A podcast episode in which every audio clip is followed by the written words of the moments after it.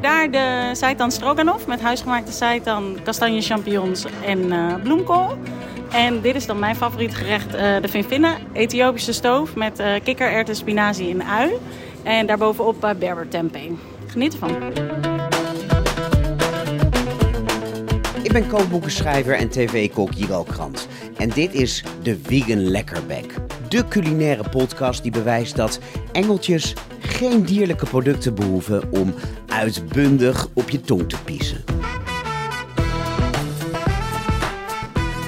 In aflevering 18 wissel ik mijn keukenautomatisme, mijn vingerspitsengevoel, mijn passie en mijn romantiek in voor de nuchtere data van de wetenschap. Krijg ik een toetje van eigen deeg in een hip buurtrestaurant dat veel te hip is voor de buurt en test ik een plantaardig alternatief waarvan ik geen idee heb hoe het moet smaken.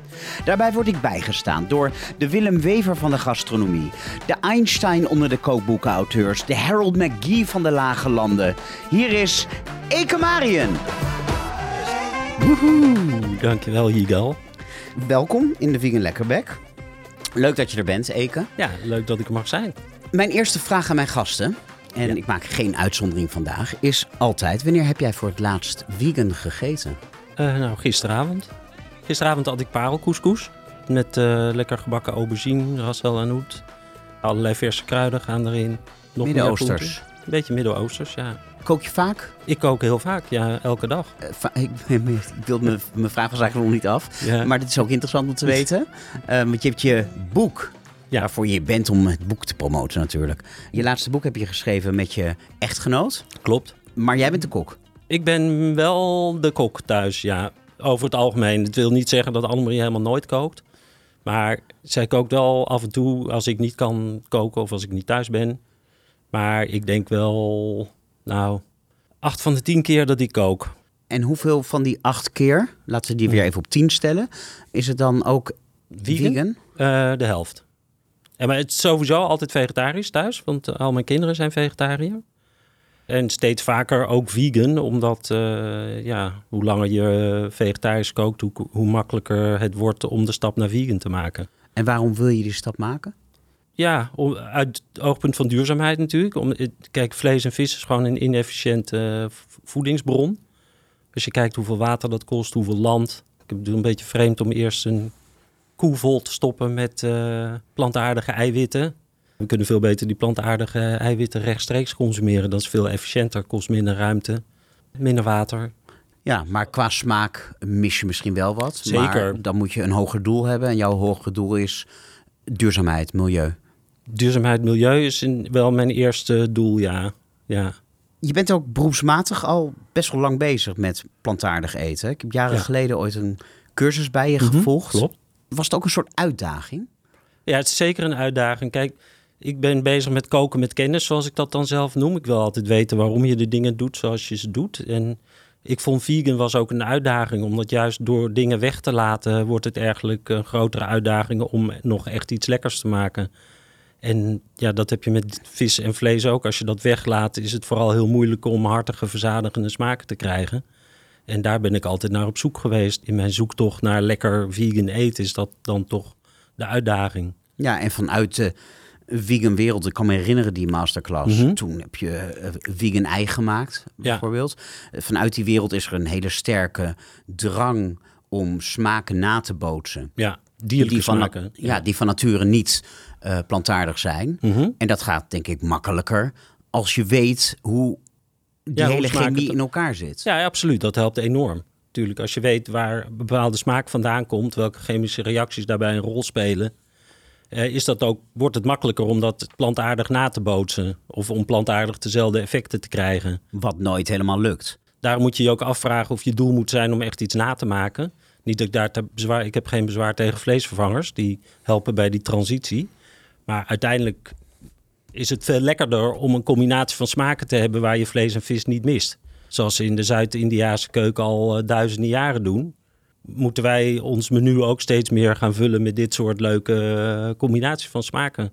Parelcouscous. Ja, parelkoes bijvoorbeeld. goeie. Ja. Eh, Je hebt eh, een nieuw boek geschreven. Ja. daarom wilde je komen, om Ja, dat boek te natuurlijk. promoten. Het heet Van aardappel tot zeewier. In dat boek behandel je elf, zoals jij ze noemt, ingrediëntengroepen. Ja. Die bijna allemaal plantaardig zijn. Ik geloof Ja. één hoofdstuk over ei. Ja, precies. Op de achterflap lees ik... Dit is een boek waarop we zaten te wachten. Of je nu veganist, vegetariër of flexitariër bent... of in elk geval nieuwsgierig naar een plantaardig eetpatroon. Ja.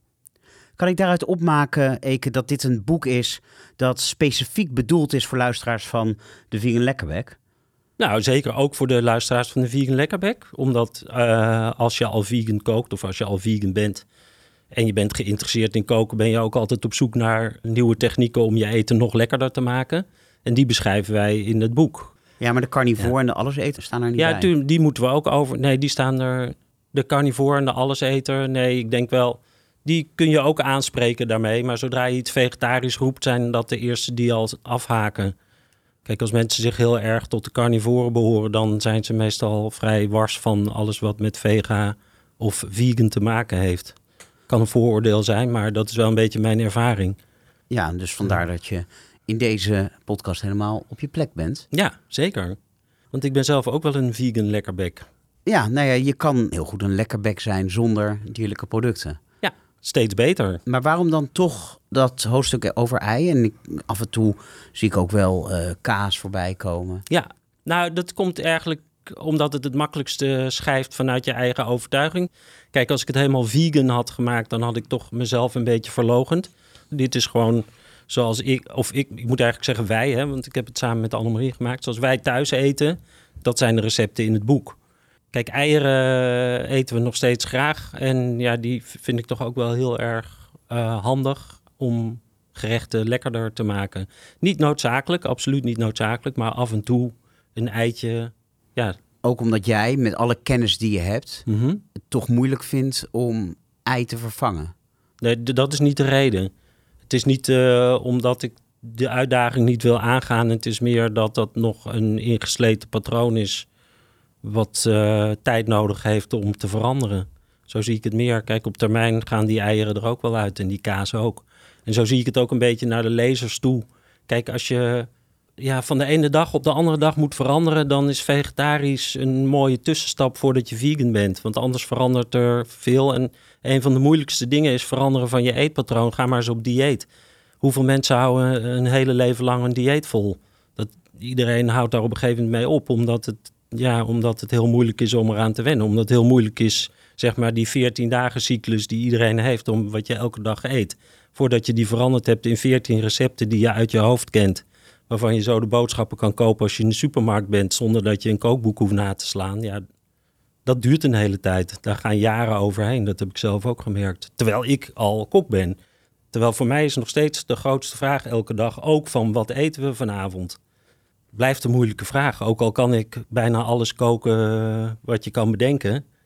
Het is dan natuurlijk ook altijd, ik moet dan altijd ook bij mezelf te raden gaan, waar, waar heb ik zin in? Ja, maar ik dag. heb hetzelfde. We zijn Ja. net wijven. De Ja. hele kleerkast hangt vol. Ja, En je weet, ik heb niks om aan te trekken. Wat moet ik ja aan? wat moet ik aan? Ja. Nee, dat is een hele goede vergelijking. je, je noemde Annemarie al, je vrouw, waarmee je het boek hebt geschreven. Waarom ben je met haar gaan werken? Want je hebt heel veel gewerkt met een chemicus. ja, met Jan Ehm, Groenewold. Toen was de rolverdeling heel duidelijk. Koken met kennis. Ja. Jij deed het koken, hij deed kennis. ja, klopt. Maar hoe is die verhouding dan nu? Eh, die verhouding nu is eigenlijk dat zij is de organisatorische kracht eigenlijk. De, degene die zorgt dat er, dat er een product komt. En ik zorg voor recepten en achtergrond. Maar zij is geen chemicus. nee, zij is geen dus wie chemicus. zorgt nu voor Nee, die kennis? De kennis zorg ik zelf voor. En natuurlijk, we hebben de, al die hoofdstukken mee laten lezen door allemaal mensen die heel veel verstand hebben van die onderwerpen. Eh, die hebben ons feedback gegeven. Jan is ook op de achtergrond betrokken geweest. Dus eh, Jan Groenewold, met wie ik die vorige boeken heb geschreven. En we hebben gewoon zelf heel veel research gedaan. En ik heb me echt helemaal suf staan testen in de keuken. En ook voor de vorm. De vorm is natuurlijk ook heel belangrijk. Dat zien we ook in ons werk. En daar hebben we nu wel echt veel meer aandacht aan besteed in dit boek. Ja, en en de foto's heb jij zelf gemaakt Ik ook? heb zelf gefotografeerd. Was ook een wens al. Eh, ja, dat geeft heel veel flexibiliteit en is bovendien ontzettend leuk om te doen. En je hebt gewoon wat meer tijd. Normaal moet je x foto's op een dag doen en nu... eh, Kan je het op je eigen ja, gemak doen? het op mijn eigen Nou, het zijn doen. echt hele mooie foto's. Nou, ik laat het even door. Dat En wat heel leuk. leuk is, je hebt heel veel. Slaan we nu open. Dit gaat over tomatensaus. Ja. En dan heb je vier bakjes tomatensaus gefotografeerd na 5 minuten prutselen, na 20 minuten, na 35 minuten en na 50 minuten. Zo laat je precies zien ja, wat er wat er gebeurt, ja. tijdens het koken. En aan de kleur kan je ook zien, het wordt steeds donkerder naarmate het langer pruttelt. En dat zegt ook alles over de smaak. De smaak wordt daarmee dus ook donkerder. Nu ben jij natuurlijk niet degene die het koken met kennis concept heeft uitgevonden. Dat Nee. je beter gaat koken als je weet wat er voor chemische processen achter dat koken schuil gaan. Mhm. En de bekendste naam die me dan te binnen schiet is Harold McGee. Precies. Die ja. al in de jaren tachtig een standaardwerk schreef Ja. Om food, Food and and cooking. cooking, ja, over eten en koken. Eh, het is echt een encyclopedisch werk. Eh, Jan en ik eh, hebben ook nog meegeholpen aan de Nederlandse vertaling. Die hebben Oh, we helemaal na mogen lezen. Maar hadden we daar niet genoeg aan? Hadden we, nee, nooit genoeg. Uh, Helme Guy is geweldig, ook een groot voorbeeld. En hij is alleen heel erg encyclopedisch, dus heel erg precies over ja, hoe het feitelijk in elkaar zit. Maar hij maakt veel te weinig eigenlijk het bruggetje naar de keuken. Van als ik dit gelezen heb, wat kan ik er dan mee? Wat kan ik er dan van koken? In jouw boeken Ja. staan altijd recepten. Ja, er staan ook altijd recepten. En bij die recepten staat dan ook meestal nog van... nou ja, kijk, we doen dit omdat... Maar ik heb Harold McGee ook gevraagd om ons boek te lezen. in het Eh, Nederlands. In het, nee, nee, ik heb het echt helemaal vertaald. Of ja, met behulp wat van, ko- wat van de artificiële intelligentie heb ik het vertaald. Eh, want hij wilde het wel maar hij lezen. komt niet uit in het Engels. Hij- Voorlopig. Nou, voorlopig niet. dus Nee, je, hebt hem, je hebt hem helemaal vertaald, puur en alleen om, hem Om aan Harold, McGee te laten, lezen. En hij, was, eh, hij vond die insteek natuurlijk ontzettend leuk. Hij vond alleen wel in sommige hoofdstukken wat slordigheden. Waardoor hij zei Ei. van, nou ja, ja was, ik schrok er heel erg van. Eh, maar hij, zoals ik al zei, hij is nogal detailistisch. Hij is nogal heel erg precies. En hij wil heel erg de nuances hebben. Dus soba noedels zijn volgens hem, wij zeggen ze zijn meestal bruin, maar eh, en ze zijn gemaakt van eh, boekwijdmeel. Maar hij zegt ze kunnen ook van boekwijdmeel en tarwemeel gemaakt zijn. En ze zijn niet altijd bruin, ze zijn soms ook wit. Dus als wij volgens die insteek zo'n boek gaan maken, zou het twee keer zo dik worden. Kijk, dan krijg je dus meer het boek wat Harold McGee heeft geschreven. En minder leesbaar. Nee, en minder leesbaar. Maar hij heeft me wel wakker geschud. En ik heb toen vervolgens twee weken ben ik er weer ingedoken. En met hulp hebben we alles omgespit. Alles en hier en daar inderdaad ook wat nuances aangebracht. Zodat... eh, En hij heeft zich zeker bereid getoond om het boek alsnog te lezen. En wellicht ook van een quote voorzien. Eh, maar er moet wel eerst een herdruk komen. Want dat was je hoop, dat hij een, eh, een blurb, zoals dat dan heet, Tuurlijk, een blurb. een wervende quote zou leveren. Ik wilde een blurb van Harold, natuurlijk. Maar als ik kijk nu naar de achterkant, staan er mooie blurbs, maar niet van Harold McGee. Nee, van Harold McGee. Ja, die wilde dus eerst een herziene versie. En daar... eh, hij heeft echt gezegd, leuk boek, Mr. Marion, Ja. maar geen blurb van mij waard. Hij zei, het is een hartstikke goed boek, maar ik zie nog een aantal onvolkomenheden, precies in de manier waarop hij is. En eh, daarom wil ik geen, ja, ik ga dat pas doen als het boek go- goed is, als het helemaal correct is. Maar ja, dat de organisatoren heel veel voet in aarde gehad. Nu heb ik bedacht van, nou, stellen we uit naar de herdruk. Ja, je kan natuurlijk verwachten dat zo'n iemand een Pietje precies is. Ja. Maar de herdruk... Maar de Pietjes precies, er zijn natuurlijk, eh, kijk, Onno Klein is ook niet eh, de eerste, de beste. Hè? En eh Yvette Yvette en, van Boven, Janneke- Janneke, Vreugdeheel. En die hebben de allemaal, zeg maar, de gecorrigeerde versie na de kritiek van Harold hebben zij te zien gekregen.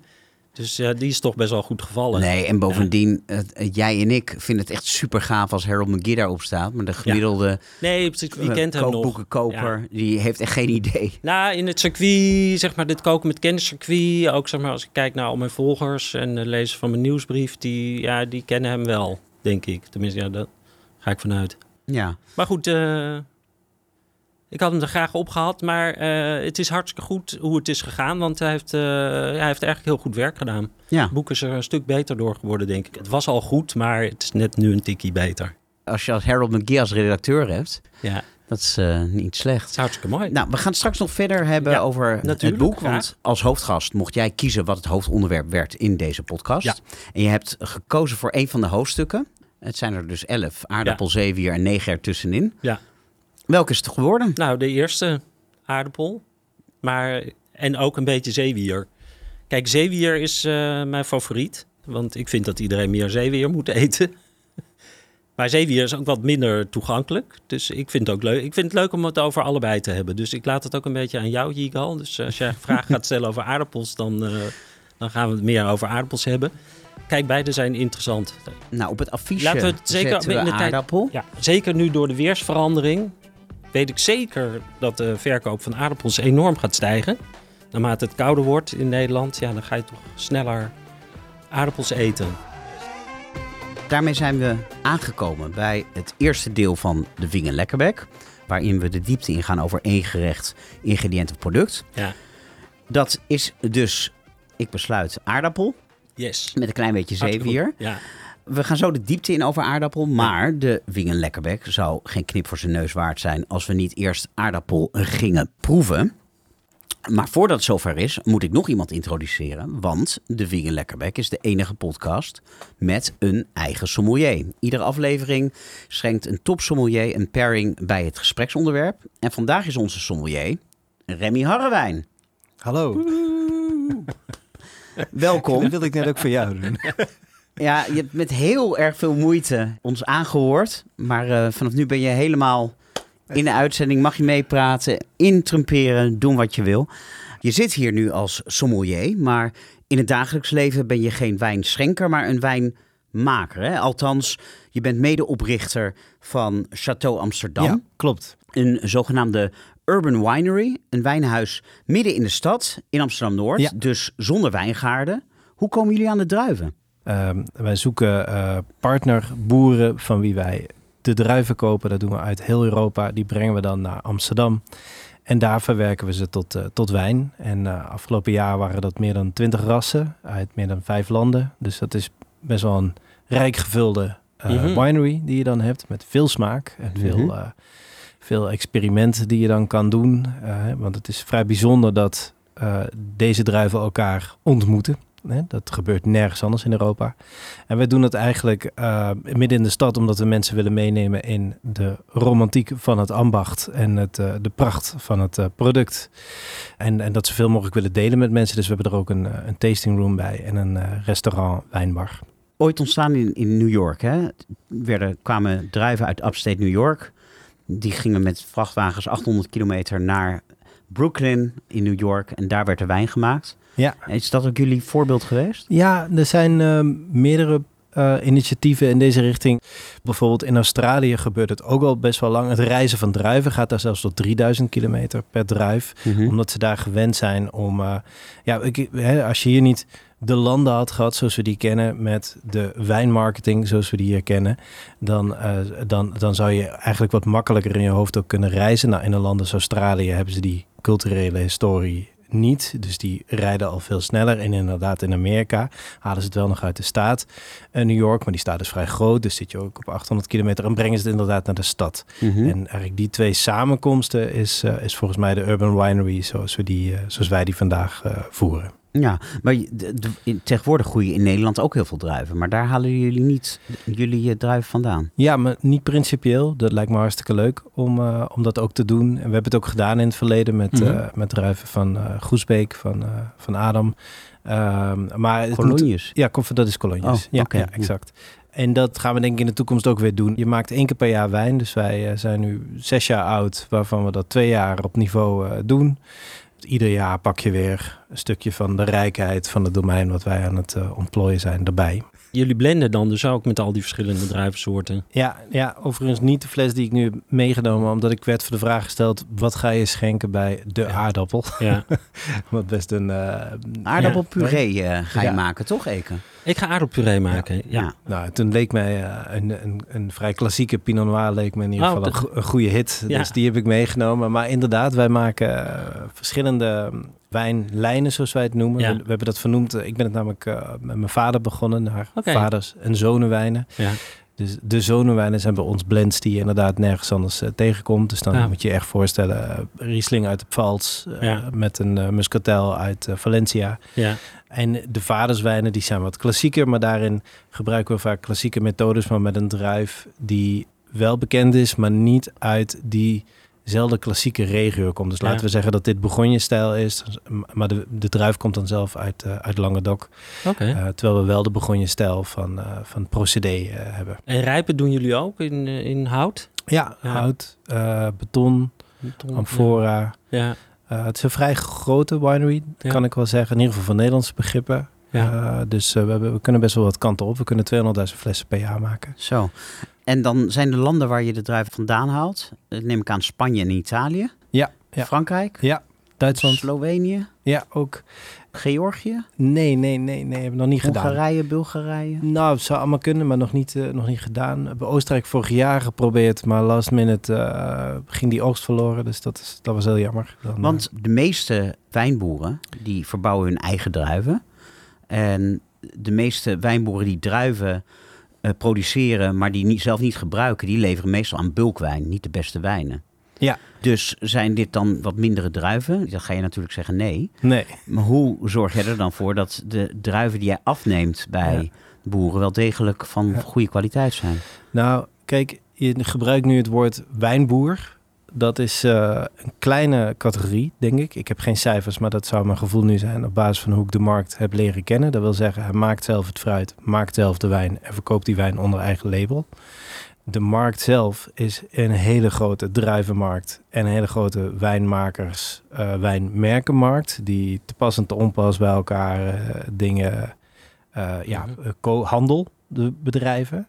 Dus er is een hele grote markt voor fruit. En ook in alle kwaliteitslagen.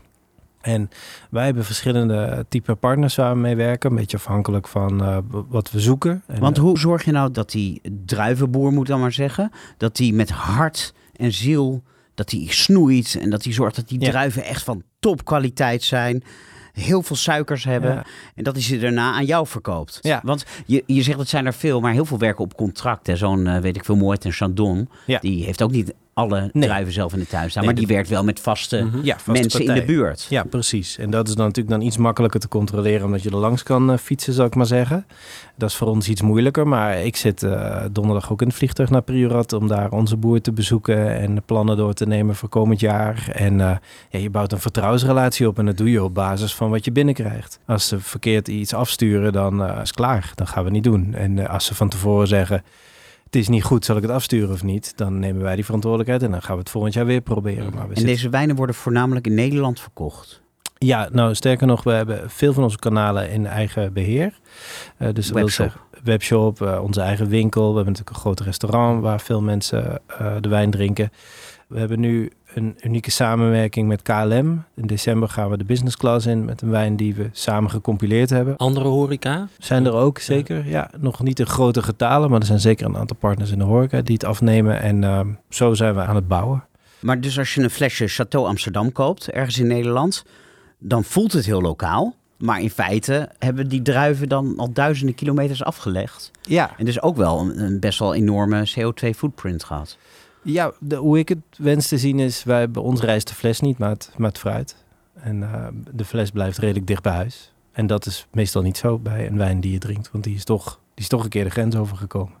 Ja, behalve dat je voor een fles van 750 milliliter meer druiven nodig hebt dan 750 gram plus het gewicht van de fles. Ja, nou, maar dat zit eigenlijk om eerlijk te zijn een beetje één om één. Want die fles die weegt ook, eh, en er zijn er gewoon maximum... eh, kijk, het is eigenlijk niet de, de grootte van de, van de vrachtauto die het probleem is, maar het Ja. gewicht wat die mag trekken. maar, maar, maar waarom? Het is natuurlijk een superleuke romantische jongensdroom die jullie aan het verwezenlijken zijn. ja, ja.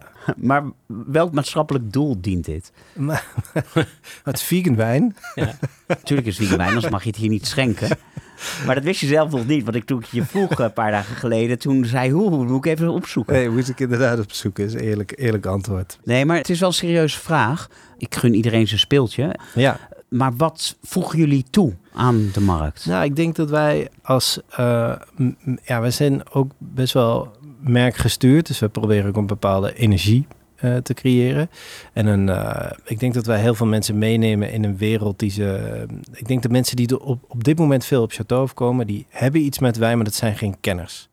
En dat is eigenlijk een hele leuke doelgroep. Want los van dat het ook heel leuk is om met kennis te werken... en dat ik ook hoop dat we daar aansluiting bij vinden... en zeker nu de wijn eh, prijswinnend begint te worden. Dus dat, dat, gaat, dat gebeurt dan eh, van, vanzelf. Dat is prijswinnend begint te worden. Wat betekent dat? Dat, je genomineerd begint te worden. Nee, dat betekent dat er gewoon blind geproefd wordt in Duitsland, eh, Frankrijk, Engeland. En dat je dan Mhm. goud wint. En dat dan denk ik de jurylid een hartverzakking krijgt als hij het etiket eh, ziet. Oké, oké.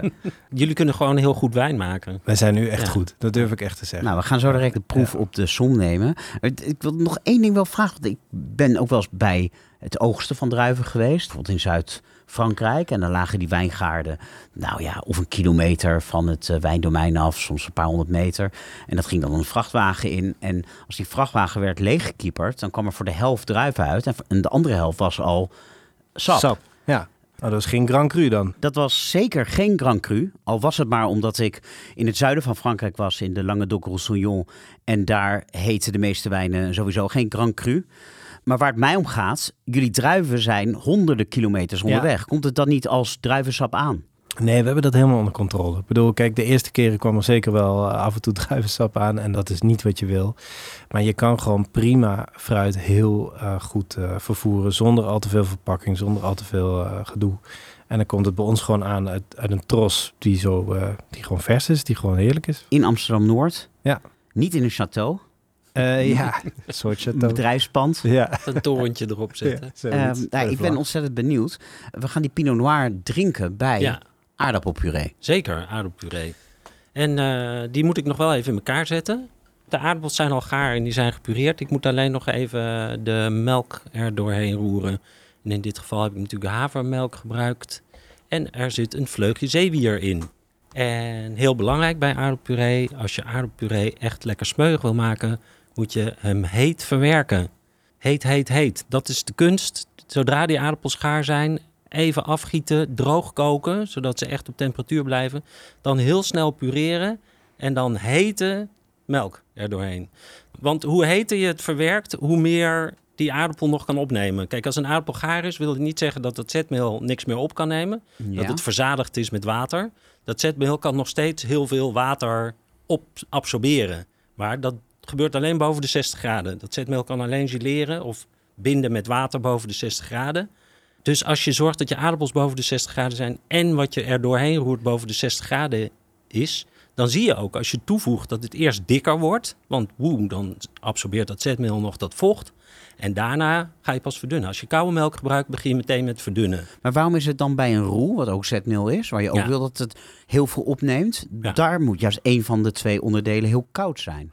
Ja, maar dan ben je toch zo. Kijk, je ziet wel bij een roe, zodra je de koude melk, als je roe heet is en je doet de koude melk bij, dan zie je dat het even duurt voordat het gaat binden. En dat is de tijd die nodig is om die melk boven de 60 graden te krijgen. Maar waarom moet dan toch een van die twee delen koud zijn? Omdat dat de kok meer tijd geeft om te mixen. Want als je het er heet bij doet, dan krijg je een instant binding. Dan gaat dat zetmeel meteen geleren, of zeg maar meteen binden. En dan krijg je heel snel klonten. Als je dat Ah. vaak doet, kan dat wel. Maar het is makkelijker om een van die Mm. elementen koud te hebben. Dan wordt het langzaam dikker en dan heb jij genoeg tijd om die klonten eruit te Kijk, slaan. dit is het voordeel van Ja. kennis. Dat is Dus als je gewoon een hele kennis. goede kloparm hebt, dan eh, je hoef je het helemaal. Ja, dan mag het best een beetje lauwig zijn.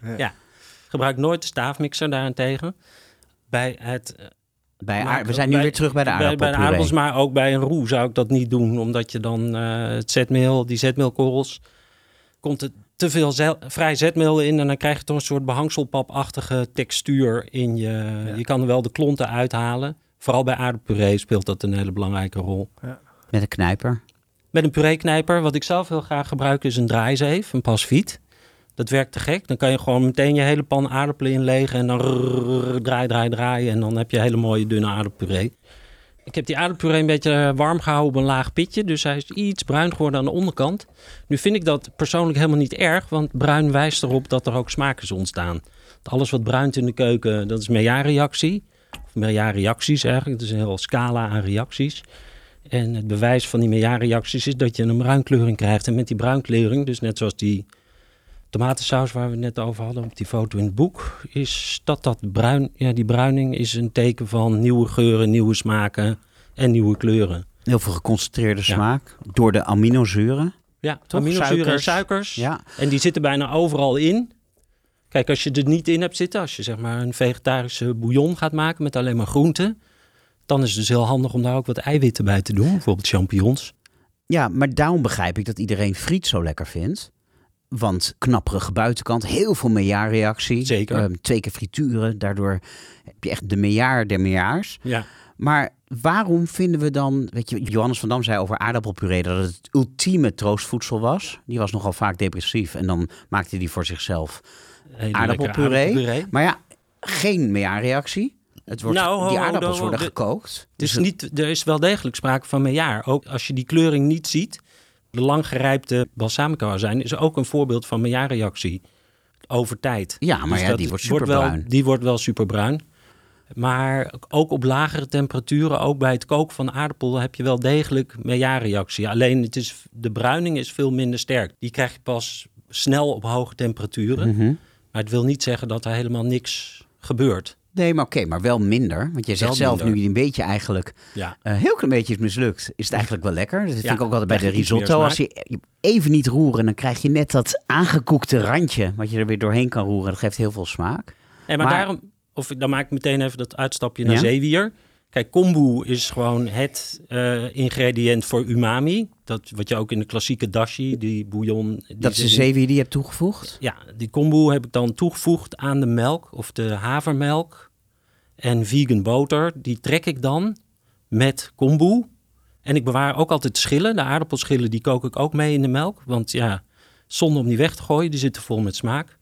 Wel dan liefst biologische aardappels gebruiken. Je kookt die schillen mee in die melk met die boter en met die kombu. En met die kombu krijg je dus ook die umami smaak die je anders mist. Je kan natuurlijk ook gewoon veetzin toevoegen. Maar goed, dat stuit veel mensen tegen de borst. Ja, dat is Dat gewoon umami, umami in de meest pure vorm. Ja, umami poeder. Bestaat dat? Umami poe- poeder? Ja, zeker. Dat is veetzin. MSG. MSG, monosodiumglutaminaat. Maar die wijn staat nu al eh, vijf minuten voor me als een tantaluskwelling. Ik heb er wel aan geroken en hij ruikt echt als een pinot noir. Onmiskenbaar. Lekker. Ik heb hier bordjes. Kijk, ik had vanmiddag ook al een eh, pureetje gemaakt. Daar heb ik ook een beetje zeewier doorheen gedaan. Hijiki is dat. Wie? Hijiki zeewier. Komt uit Japan. Oké. Groeit daar aan de kust. Is in Amerika verboden om te verkopen. Omdat er eh, een beetje arsenicum in zit. Nu gaan jullie dit zeker overleven. Wat is arsenicum ook? Arsenicum is een eh, gif. Oh. Dus zeg maar wat vroeger als je in klassieke films wordt dat ook meestal gebruikt om mensen. te, vermoorden? te kielen, ja. Maar zoals vaak met gifstoffen ook in planten, het zijn juist de gifstoffen in de sla en de groenten Die de smaak geven. die de smaak geven. Maar dit is bij aardappel toch ook zo?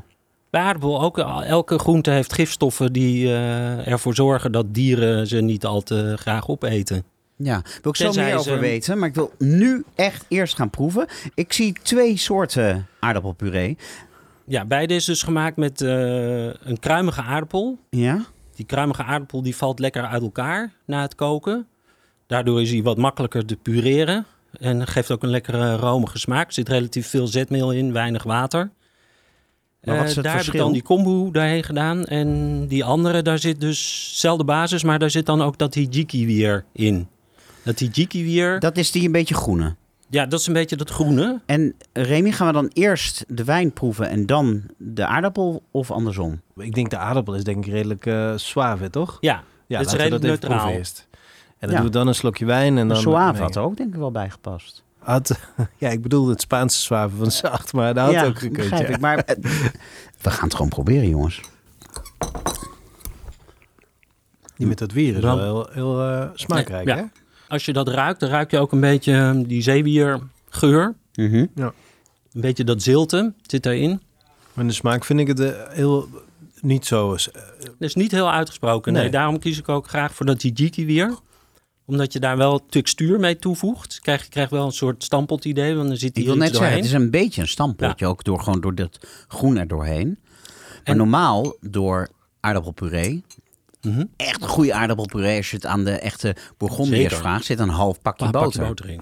Trouwens, in jouw boek ook. In jouw boek is Er gaat de ook vrij veel boter in. boter ja. en melk. Dus dit is niet een recept uit je boek. Nee, dit is Mogen we geen dit recept. recept online zetten? Ja, zeker. Dit met hijiki weer, ja, Ja? zeker.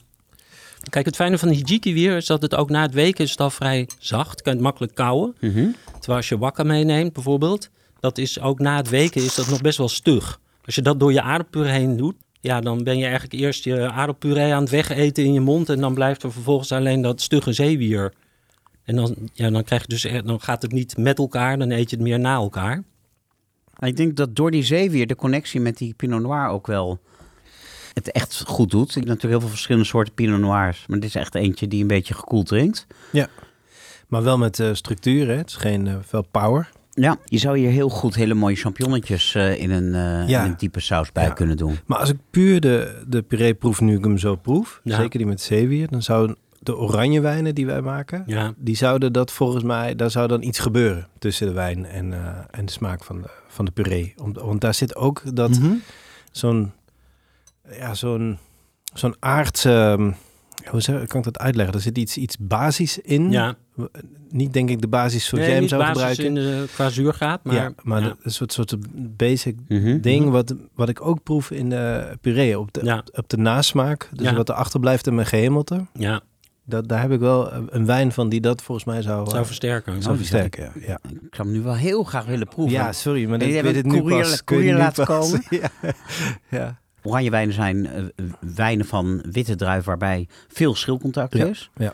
En je zei, jullie hebben ook amfora. ja, dat klopt. Die doen we dan ook op de amfora. Dus dat is eh, alsof je aardewerk knuffelt. Zo Dus echt op de. Georgische manier. En het geeft een hele ja, eigenzinnige wijn, hè? Die, die door veel eh, klassieke wijndrinkers niet als plezant ervaren wordt. Maar door mensen die Mhm. wat openstaan voor nieuwe smaken naar een puree met Ja, zeewier. Jos, doet hartstikke dat. hip natuurlijk, die Ja. oranje wijnen. Ja, ja. En je kan het dan filteren of helemaal niet of ergens Ja. ertussenin. Wij zitten er meestal tussenin. Als je helemaal de puristen pakt, dan is het ongefilterd. Ongefilterd. Ja. Maar dan, ja, dat is het ook een beetje kouwen. Wat bedoel je met kouwer? Eh kouwen, dan moet je een beetje werken om, om die wijn een plek te geven. Oh, kouwen. Ja. Oké. Dus dan dus dan, dit drink je lekker, toch? En, Maar je hebt eh, ook minder controle wat er nog in de fles gebeurt dan. Precies, Naarmate ja, het, ja. eh, verandert ook heel Ja. sterk gedurende, iedere week is het anders. ja. En daar, wij filteren dan wel een deel, omdat we toch eh, iets van controle willen houden. ja, Omdat het gewoon anders wordt. Het gewoon, eh, ja, dan ben je gewoon aan heel veel mensen uit te leggen waarom de wijn toch niet om is, zou ik Ja. maar zeggen. ja, precies. En die gulden widderweg, die vind ik mooi werk, omdat je dan toch die smaak eh, hebt, maar niet alle kanten ja, op schiet. Niet dat het alle kanten op. Ja. Nou, en ik heb de wijn er even bijgepakt. Deze heet Fantastic Mr. Fox. Ja. Dat is de naam. Ja, klopt. Wat kost deze fles? Mm, 20 of 21 euro, denk ik. Het is geen supermarktwijn. Nee, het is een van onze duurdere wijnen, is dat. Ja, dus dit is een vaderslijn van mijn vader. Cepage, klassiek gemaakt, Bourgogne-stijl, eh, op beton, een klein beetje hout op het eind. Eh, Een druif uit uh, Languedoc, eucalyps in de neus, eh, Ja. iets meer fruit dan je gewend bent van Midden-Frankrijk. Maar wel die sereniteit en die eh, koude, hè, Mhm. die van dat beton, dat proef je dus heel goed, vind ik. Ja? Dus dan, dus dan zie je ook een beetje het verschil tussen terroir en de wijnmaker. Eh, of de wijnmaakplekken ook. eh, Maar voor een zonenwijn is hij veel te klassiek. ja, klopt. Maar hebben jullie dan ook nog kleinkinderenwijnen? Ja, we zijn we ook bezig. Ja, ja, ja, ja. En die zijn Wat eh, zijn dat dan voor wijnen? Betaalbaar. Oh, die zijn. En wat kosten die dan? 7 euro. Dit is wel rond de 7 euro. Ja, En ehm, het dit vraag ik nu op de man af. ja. Maar eh, is er een, eh, een kortingscode aan te maken voor onze luisteraars? ja, ja, ja nee, hartstikke leuk zelfs. Eh je, bent, je kan het gewoon allemaal op de website zien en bestellen. Dus eh Lekkerbek kruisje Chateau. Ben je daar oké mee? Eh, Ja, is, ja, het lijkt me een beetje ingewikkeld. Vegan? Eh, Zullen we er gewoon lekkerbek van maken? Lekkerbek? Ja? Lekkerbek. Nou, Nou, met eh, die code de komende weken krijg je 10% korting op, eh Nou, op alle gek. Ik zou zeggen, we gaan lekker door over aardappel. Remy, verkwijt je van je taken als sommelier. dus als mijn glas leeg is, mag Dan je... pak jij die of van Eken- ik voor die van jou? Eken- nee, jij mag bijschenken. ja, kom op. eh, op basis daarvan mag je komen. Nee, maar dat is ook een compliment. Want het is echt een, een fijne doordrinkwijn. Heerlijk, dank je. Nou, met een eh, mooi glas Amsterdamse Pinot Noir praten we verder over de aardappel. Het leuke van aardappel vind ik dat het een beetje een rare status heeft. Althans, volgens de onnavolgbare wegen van het voedingscentrum. Ja, Want dat schaart de aardappel niet onder de groenten, Nee. maar onder eh, granen en brood. ja. En dat vind ik zelf heel jammer, want mijn kinderen die houden heel erg van friet en van chips. Ja. En dan als, als je dat Zou het meetelt, dan zit, dan zit je zo in je dagelijkse aanbevolen hoeveelheid groente. Ja, in het buitenland doen ze dat ook meestal. Fransen eten aardappels ook als groente. Ja, maar goed, het is niet zo raar, want je denkt, ja, in chips en friet, daar zitten niet veel vitamines en mineralen in. Maar als ik dan ga kijken in jouw boek, Ja. dan schrijf je van, zit bordenvol vitamine C en. B en kalium en calcium en fosfor. Wat is het nou? Is het een groente of niet? Aardappels zijn prima. Ja, nee, het is echt een goed, eh, goed voedingsmiddel. Ja, voedzaam. Ja, dit wat, voedzaam, wat we nu hebben gegeten, dat, daarmee heb ik gewoon mijn dagelijkse hoeveelheid groente binnen? Nou, de dagelijkse hoeveelheid, dan zou je wel 200 gram van die eh, puree moeten eten. Kijk, en wat er minder in zit, zijn vezels. Aardappels zijn eh, minder vezelrijk dan groenten. En groenten zijn dus vooral ook heel belangrijk voor, de, voor je darmen. Daar moet je altijd een combinatie hebben van... of aardappel zie je dan vooral als een zetmeelbron. Zeg Mhm. maar, eh, gewoon als een bron van suiker eigenlijk, als verbrandingsstof. Meer dan groenten. En hier zit de schil niet in. En ik heb altijd geleerd dat de meeste Ja, die, voedingsmiddelen in de schil ja, zitten. die schil zit er uiteindelijk wel mee in, want die trek ik mee. Dus de melk die in de puree gaat, daar trek ik de schillen in. Ik zag ze daar. En daar dat geeft het. ook een veel aardsere smaak aan je aardappelpuree.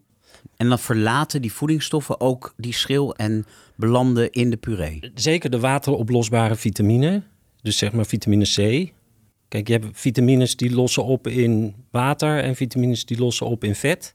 Alles wat oplost in vet, dat kunnen wij vastleggen in ons lichaam. Dus dat hoeven we ook niet dagelijks binnen te krijgen. Maar de wateroplosbare vitamines, zoals A en C, die moeten we eigenlijk dagelijks consumeren om die, die waarde te, te houden. Ja. Ja, maar en dat, zo werkt het ook in de keuken natuurlijk. Als je iets in water gooit, als je aardappels in ruim kokend water gooit, wat een hele grote fout is, en wat volgens mij nog steeds meer dan de helft van Nederland doet, als je aardappels kookt, heb je eigenlijk maar een heel klein bodempje nodig, want die aardappel wordt ook gaar zonder je water. stoomt dan als het ware de aardappel. Ja, eigenlijk wel. Ja. Nou, dat vind ik wel leuk. Zullen we even wat mythes ontkrachten over Ja. de aardappel? Ehm, dat je aardappels moet schillen, dat is onzin. Jonge aardappels hoef je helemaal niet te schillen, want daarvan is de schil nog dun. Of ja, dit zijn jonge aardappels, die hebben nog niet zo'n hele dikke schil. Dus die kan je gewoon wassen. Nou, we en- schillen sowieso veel te veel. Gember hoef je ook niet te schillen. Nee. Ja, vooral als het jonge gember is. Dan, Mhm. Als die heel oud en taai is, dan is het wel weer lekker. Maar eh, aardappels koken in ruim water is... eh, tenzij je ze in hele kleine blokjes snijdt... en je gaat ze blancheren voor een salade... Mhm. ja, dan moet je eerst het water aan de kook brengen en dan gooi je ze erin. Maar zodra je heel veel blokjes aardappel in ruim kokend water gooit... voor je aardappelsalade, verlies je meteen heel veel aroma uit die aardappel. Dat lost op in het water. En dat is ook als je aardappels geschild hebt, je snijdt ze in stukjes en je doet ze in een pan vol met water, ja, dan kon je dus met het kookvocht heel veel smaak weg. Dus ook daarom kan je beter ze koken in de schil. Want die schil, die houdt, Ja. die, dat is een soort panzertje. Zeker. Daar ben ik ook helemaal mee eens. Als je die aardappels vervolgens gaat eh, grillen, bijvoorbeeld in de oven, of je gaat ze in, in stukken snijden in bakken. Als je er puree van maakt, vind ik het makkelijker eigenlijk om die schillen mee te koken in wat je door die puree doet, zeg maar in die melk voor door de puree, dan dat je ze om de aardappel houdt. Zeker als je ze heet wil verwerken, zeg maar zoals ik net heb uitgelegd, dat je daar hete melk doorheen moet doen, dan moet je die aardappels gloeiend heet pellen. Ja, dat, en dat wil je eigenlijk de meeste mensen thuis niet aandoen. Dat kunnen koks die dat al eh, maanden doen. Die hebben zoveel eelt op hun vingers dat ze dat zo eh, zonder handschoenen kunnen. Maar eh, dat ga je thuis niet doen. Maar wat ook al enorm helpt, is dus gewoon een heel klein bodempje water in die pan, deksel erop en dan stoom je ze eigenlijk gaar. En, maar is dan de tijd, de kooktijd dan niet ook wat langer?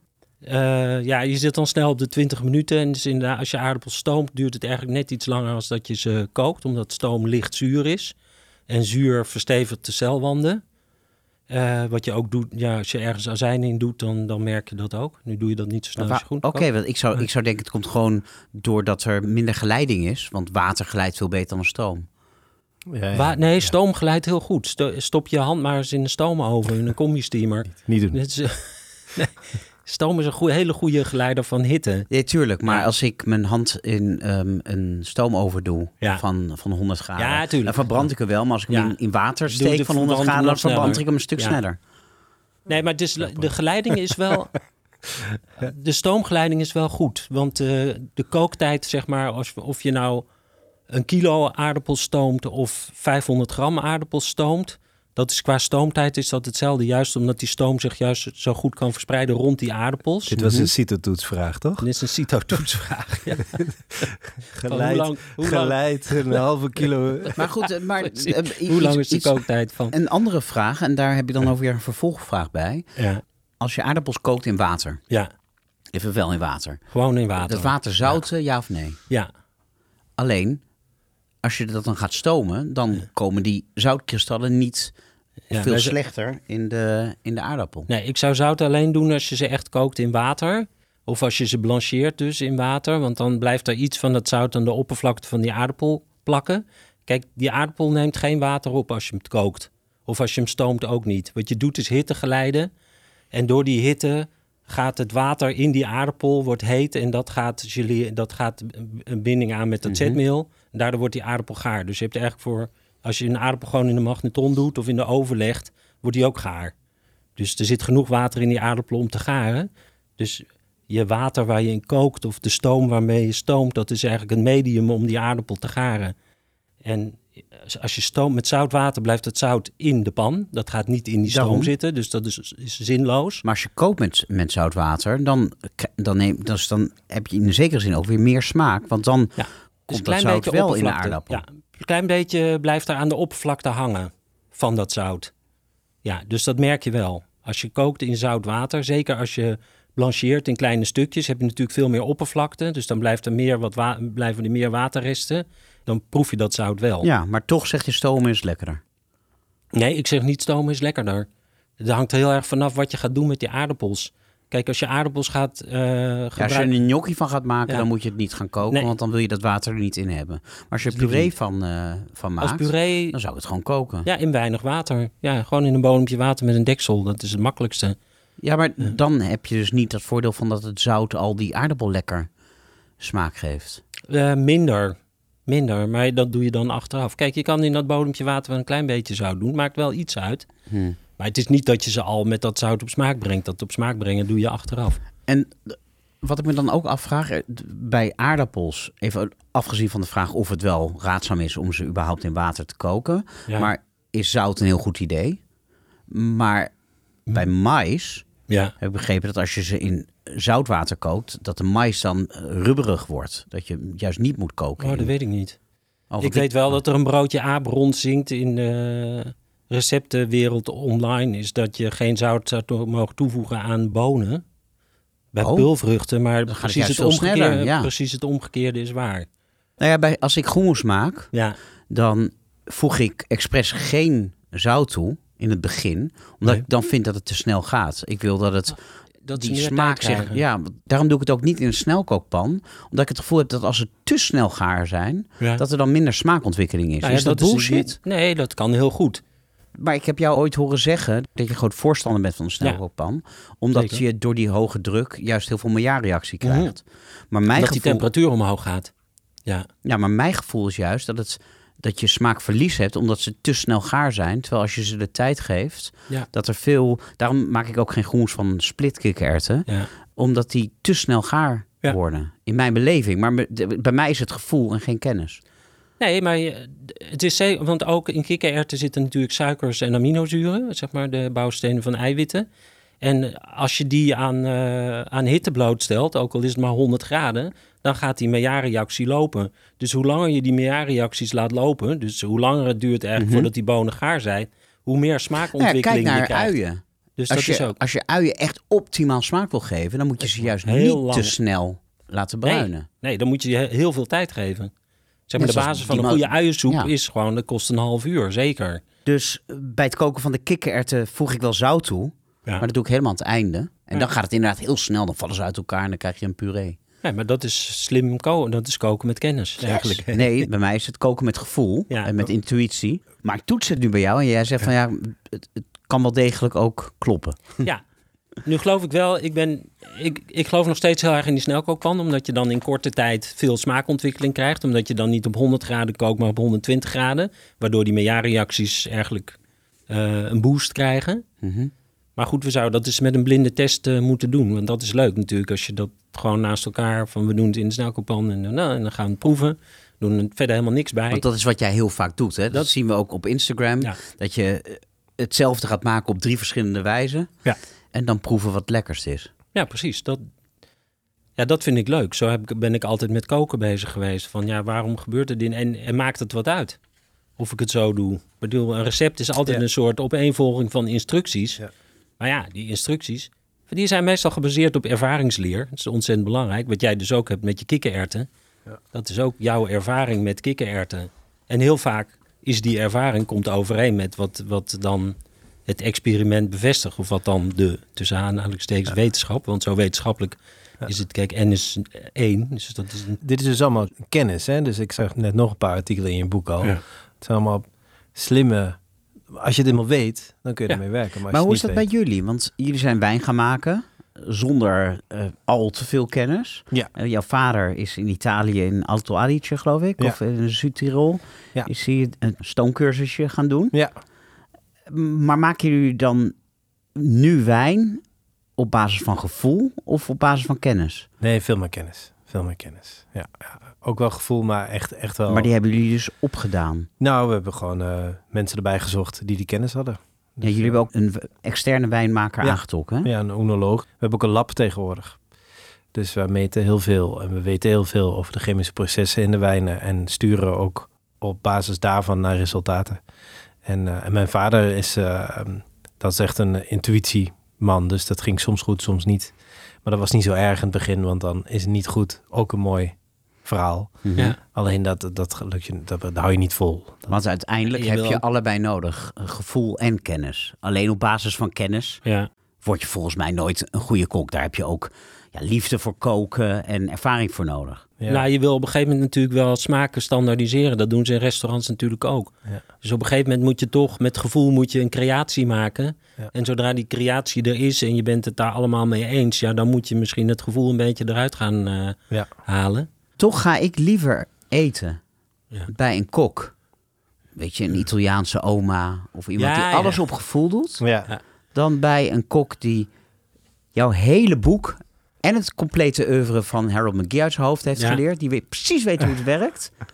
Maar die zonder al te veel passie kookt. Ja, maar misschien is dan de hamvraag: wanneer is de kennis beperkend voor die vrije manier van kijken? Dat is een, dat is een discussie die ik wel eens heb eh, met mezelf rondom de dingen die wij in het bedrijf doen.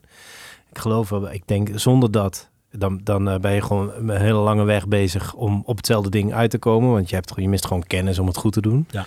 Eh, maar dan zit het ergens op het punt wanneer wordt die kennis een beperkende eh, inzicht voor iets nieuws of iets Ja. wat je wil uitproberen. Ja, daar maar- heb ik wel een leuke anekdote over. Want dat heb ik aan de lijve ondervonden toen ik ging samenwerken met eh, Jan Groenewold. Ik die die chemicus. Ja, die chemicus. Dat is toen we. Wij gingen gewoon op maandagochtend, hebben een tijd lang, gingen we de keuken in en gingen we gewoon experimenteren. En hij zei: Het maakt niet uit. We, doe maar wat. Ga die aardappels maar opzetten en laat ze maar staan. We kijken wat er gebeurt. En dat was voor mij zo ontzettend moeilijk. Als kok zit je heel erg gewoon naar, met je eindproduct. In. Dus je hebt al kennis van het eindproduct waar je naartoe wil. En eigenlijk moet je dat loslaten. Wil je tot iets nieuws komen, dan moet je eigenlijk iets gewoon laten gaan. Ja, en, ik vond dat kennis echt- gebruiken. Dat, lijkt, dat is dan best spannend natuurlijk. Ja, de- uit dat experiment Ja. komt weer nieuwe kennis die je misschien kan gebruiken ter verbetering. Of dat je ziet van nee, de hele boel brandt aan. In dit geval vrij eh, voor de hand liggend. Maar zo. En ik vond dat heel moeilijk. Dat je dus dan- op zo'n manier sta je dus toch als vakman, zeg maar als Ja. ambachtman, staat de kennis over je eindproduct, staat het experiment in de weg. Ja. Ja. Ik wilde, wil het hoofdstukje over de aardappel, ondanks dat we nog heel veel niet hebben besproken, Ja. gaan afsluiten. Maar over één ding moeten we het echt nog wel even hebben. Namelijk het onderscheid tussen vastkokende aardappelen en kruimige aardappelen. En, en wat tussenvormen. Nou, er zijn drie dingen die de smaak van een aardappel bepalen. Dat is zeg maar het suikergehalte, het zetmeelgehalte en het watergehalte. Als aardappels heel jong zijn, dan zit er nog vrij veel suiker in. Dus nog niet al die suiker omgezet in zetmeel en ook relatief veel water. Dus jonge aardappels, dat is de nieuwe oogst, die zijn altijd vastkokend. Daar zit zoveel water in. Als dat zetmeel gaat geleren, zeg maar, als dat zetmeel water gaat opnemen, dan heeft dat zetmeel genoeg ruimte in die cellen om te kunnen groeien, waardoor die aardappel intact blijft. Naarmate die aardappel ouder wordt, wordt die suiker omgezet in zetmeel en verdampt er water uit die aardappel. Dus dan is de hoeveelheid water in de aardappel minder, waardoor als dat zetmeel gaat geleren, groeit het en breekt het de celwanden. En dan zou je zeggen, meer smaak. Nou, meer smaak. Wat er vooral gebeurt is dat die textuur van die aardappel verandert in een bloemige, kruimige aardappel. Omdat die celwanden kapot worden gedrukt, eh, krijg je dus dat ze kruimig worden. ja, Dus maar min- naarmate- minder water, celwanden Ja. kapot. Als je Ja. marineert, dan gaan die celwanden ook kapot. Ja, dus nee, krijg klopt. je ook meer Ja, smaak. Ja, meer smaak. Eh, ja, ze zijn minder zoet natuurlijk. Dus we- nieuwe aardappels worden over het algemeen lekker gevonden omdat ze meer suiker bevatten. Mhm. En ook omdat ze in de salade lekker stevig zijn, zo knapperig. Of als je een, eh een aardappelgratin, wordt ook vaak van nieuwe aardappels gemaakt. Zodat je een krokant korstje hebt met daaronder stevige schijfjes aardappel die niet helemaal... Want als je dat met een kruimige aardappel doet, ja, dan wordt dat een soort aardappelpuree natuurlijk als je dat uit de oven trekt. Dus die smaak valt in staat natuurlijk ook met de toepassing die je hebt. Dus daarom zeg ik altijd van kijk naar wat je wil gaan maken en kies dan je type aardappel. Maar heb je daar een handleiding voor? Kijk, voor, voor de puree die je ons hebt voorgeschoteld, Ja. is duidelijk. Gebruik Ja. je kruimige aardappelen. Ja, nou echt een handleiding is... Kijk, eigenlijk is alles wat je boven de 100 graden wil bereiden... dat doe je het liefst met een kruimige of iets kruimige aardappel. Dus roosteren, bakken, grillen, poffen, frituren. Dat gaat allemaal het beste met een kruimige iets... of een iets kruimige aardappel. Best wel raar, terwijl je zou denken, friet, je wilt niet dat het uit elkaar valt. Dat zijn stevige dingen. Nee, Maar dan gebruik je dus geen vastkokende aardappelen nee, voor. nee, want in de vastkoken aan een aardappel zit te veel suiker. En suiker karamelliseert dan heel snel in de frituur. Dus dan krijg je frieten die dus heel snel donkerbruin worden... maar die eigenlijk nog ongaar zijn aan de binnenkant. Dus iets kruimig of kruimig is belangrijk. Maar Omdat bijvoorbeeld voor chips, waar je eigenlijk alleen maar buitenkant hebt, kan je dan wel vastkokend gebruiken. Dat zou je kunnen doen met vastkoken, maar dan is het frituurproces langer, want kruimige aardappels bevatten minder water. Kijk, en zodra je kan pas een bruining krijgen als al het water aan de oppervlakte is verdampt. Want zolang er water is, kan je niet boven de 100 graden. Mhm. Als dat water is verdampt aan de oppervlakte, ja, dan kan je boven die 100 graden en dan krijg je een snelle bruining. Dus hoe meer water er in de aardappel zit, hoe langer het duurt voordat je boven die 100 100 graden komt. Maar je hebt ook weer meer suikers. En die zorgen weer voor meer karamellisering en meer smaak. De aardappelindustrie ontwikkelt daarom in samenwerking met een instituut als Wageningen aardappelrassen waar de verhouding tussen zetmeel, water en suiker optimaal is voor hun productieproces. Dus daar kan je echt planten op veredelen. Is dit een eh, eenvoudige uitleg? Ja, dus alles boven de 100 graden. Maar wanneer eet je aardappelen onder de 100 graden? Onder de 100 graden is gewoon koken. Ja, dat noem ik dan, zeg maar, waar geen bruining, sprake is van geen bruining. In het boek noemen we dat dan onder de 100 graden, dus blancheren. Maar dat kan ook confijten zijn. Kijk, Ik bedoel, je kan aardappels ook confijten of sous vide koken op 90 Maar graden. puree is toch ook dan onder de 100 graden? Ja, aardappelpuree is eigenlijk een bereiding van onder de 100 graden. Maar, ja. dat, daar Maar daar gebruik je wel kruiden. Ja. kruimig voor. Daar gebruik eh, ik bij voorkeur kruimige aardappels Maar waar voor. gebruik ja. je dan vastkokende aardappels voor? Alleen voor salades? En eh aardappelgratin. Verder gebruik ik ze eigenlijk niet zo vaak. Nee, In dus het verleden de- heb ik ze bij Bosch. Ja, ik heb heel veel van die rode aardappelsoorten. Dus eh rozenval gebruikte ik heel graag toen ik nog een restaurant had. Om te roosteren in de oven. Dat wordt heel lekker. Maar dat kan nog lekkerder worden als je dat met een, eh, een rode aardappelras doet die iets kruimig is. Oké. Maar kijk, iets- dat zijn tips waar we wat aan hebben. Want Ja. ik heb in mijn laatste boek een recept met aardappel... die ik eerst kook en daarna frituur. Ja, En ik heb het geprobeerd zowel met kruimig als met vast. ja, En ik kon dan niet bepalen wat ik lekkerder vond. nee. Ik vond ze allebei... Ja, eigenlijk... Ik proefde heel weinig verschil. Het zijn ook nuances. Het zijn, ja, het zijn toch nuances. Ehm, Is dat ook misschien waarom we in het buitenland ze dat onderscheid helemaal niet maken? Want ik heb veel gekookt met, met chefs in het buitenland. ja. En eh, nou ja, dan, die gaan dan aan de gang met aardappel. En dan vraag ik, oh, maar is het bloemige aardappel of vastkokende aardappel? Zit ik al sowieso met een ehm, semantisch probleem. Want er Ja. zijn eigenlijk helemaal geen goede woorden voor in het eh Hebreeuws. En ook Ja. eigenlijk niet goed in het Engels. Eh, flowery, kan je dan zeggen. We hebben dus geen idee waar je het over hebt. Maar is het niet een... potatoes. Wij maken dat onderscheid eigenlijk alleen in Nederland. En misschien in Eh, Vlaanderen. Ja, nee, het onderscheid wordt ook wel in het buitenland gemaakt. In Amerika gebruiken ze het ook wel. Maar ik denk dat het ook ligt aan de manier waarop wij aardappels gebruiken. Bij aard- aardappels is bij ons echt een, een vulmiddel, zeg maar. Eh, waardoor we ook aardappels heel lang bewaren door de winter heen. Waardoor je steeds meer zetmeel ontwikkelt in die aardappels. Waardoor wij veel, maak, veel meer aardappel hebben die kruimig is. Terwijl in het buitenland, waar ze aardappels veel vaker eten als groente, gebruik je aardappels ook als groente. Dus als het vers van het land komt. En zo liggen ze ook in de winkel. Dus die aardappels zijn meestal stevig en vastkokend. Ja, ze Dus dan zetten ook gewoon eh, de, de, de, de staafmixer erop. Ja, dan, Maar dat, dat, ik heb de gedachte nu al vaker gehad tijdens dit gesprek. Jouw, jouw, jouw werk en misschien ook een beetje mijn werk is heel erg ook een reflectie op tradities en, en cultuur, hè? op gewoontes. ja, precies. Het is, eh, want eh, ja, ik weet dan niet waar in de Nederlandse geschiedenis de aardappel die plek op die manier eh, gekregen heeft, of waarschijnlijk in, in, in stappen. Ja. En, dat, en, en nu zou je bijna niet, hè, noem een aardappel een groente en het is raar. Ja, Hè, noem, net zo goed Ja. als dat een urban winery ook raar is. Maar ja. Ja. het had ook ooit zo kunnen zijn dat het altijd in de stad gemaakt werd, net als bier. En, dat, en, dat, en dan hadden we het normaal gevonden.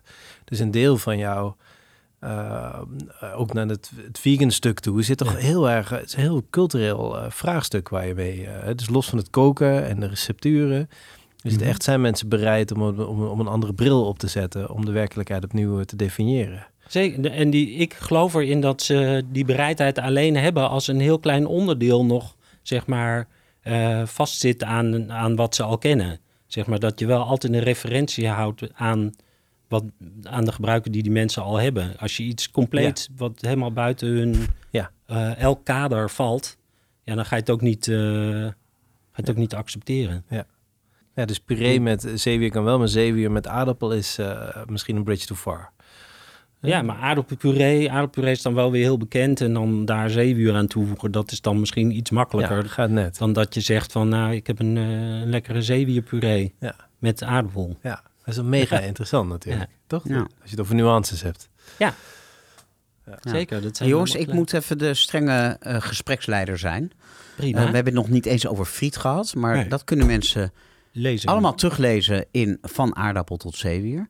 Mogen we een eh, exemplaar verloten? Dat vinden onze Zeker, luisteraars altijd tuurlijk. heel leuk. Dat mag zeker. Oh, nou superleuk. Dan ga ik een prijsvraag verzinnen waar het antwoord ergens van in deze aflevering verstopt zit. Check daarvoor de Instagram-pagina van de Vegan Lekkerbek. En gaan wij door, jongens, naar het volgend onderdeel. Ja. Namelijk de recensie van een restaurant in de woonplaats van mijn gast. Jij woont in Amsterdam. Ja. En wij zijn uit eten geweest in Tuindorp Oostzaan. Ooit een dorpje waar alle inwoners werkten op de NDSM-werf, scheepswerf. Ja. En tegenwoordig is het een buitenwijk in Amsterdam-Noord. Jou vast ook wel bekend, eh Remy. Is wel een eentje weg hoor. Maar Ja, ja. goed, ik voel me wel- altijd vrij snel... ge- Ik, ja, maar probeer verbanden te leggen Noord. hier. Tegenwoordig is het een buitenwijk in Amsterdam-Noord. Al is die, het is nog steeds een heel dorpswijkje binnen Amsterdam. En wij waren naar Cometa, een vegan restaurantje in een oud kerkgebouw, midden Ja. in de wijk. En nu wordt mijn aandacht voor een restaurant meestal getrokken door positieve recensies in de krant of vrienden die er zijn geweest. Maar dit keer was het een artikel in het Parool over boze buurtbewoners die klaagden over geluidsoverlast. Maar die vooral heel boos waren over een restaurant in hun wijk dat veel te hip was, veel te cool. Terwijl ja, zij te nazaten van havenarbeiders. Ik heb even het artikel erbij gepakt. Ik pak even één citaat. Wie, is er iemand die dat met een mooi Amsterdams accent kan voorlezen? Eh, not me. Ik niet. Nou, dan ga ik het ook niet proberen. Ik ken het wel een klein beetje, maar ik ga het niet proberen. Ehm, voor de mensen uit de stad lijkt het hier een soort ingeslapen dorp. De gemeente denkt, daar is reuring in de tent nodig. Maar wij drinken een bakje bij elkaar. We zitten hier niet te wachten op een hippe stek. En nou ja, er is dus een hele volksopstand Ja, ontstaan tegen deze hippe tent waar ze plantaardige shawarma maken en dat soort onzin. Wij eten gewoon een balletje gehakt. Maar mijn interesse was gewekt. Dus hebben wij Eke de Pont genomen naar Noord. Daarna een flink eind gefietst naar de Cometa-singel. Want Cometa is genoemd naar de straat. Maar Cometa is dan met een C en de Cometa-singel is met een K. Zo Ja. zie je, het is alweer veel te hip, die naam. En daar troffen we geen demonstrerende buurtbewoners aan. Gewoon een heel rustig Heel rustig. kerkje, leek niks aan de hand. We gingen daar naar binnen. Grote ruimte. Ja. Veel retro tweedehands spulletjes. Alles is ook te koop, wat Ja. je ziet. Dus als je zegt, hey, ik neem de tafel mee, dan mag dat ook. Dan zetten Ja. ze die op de rekening of de lamp, dan schroeven ze die los. Maar officieel mocht dat juist niet volgens mij, maar ze deden het wel.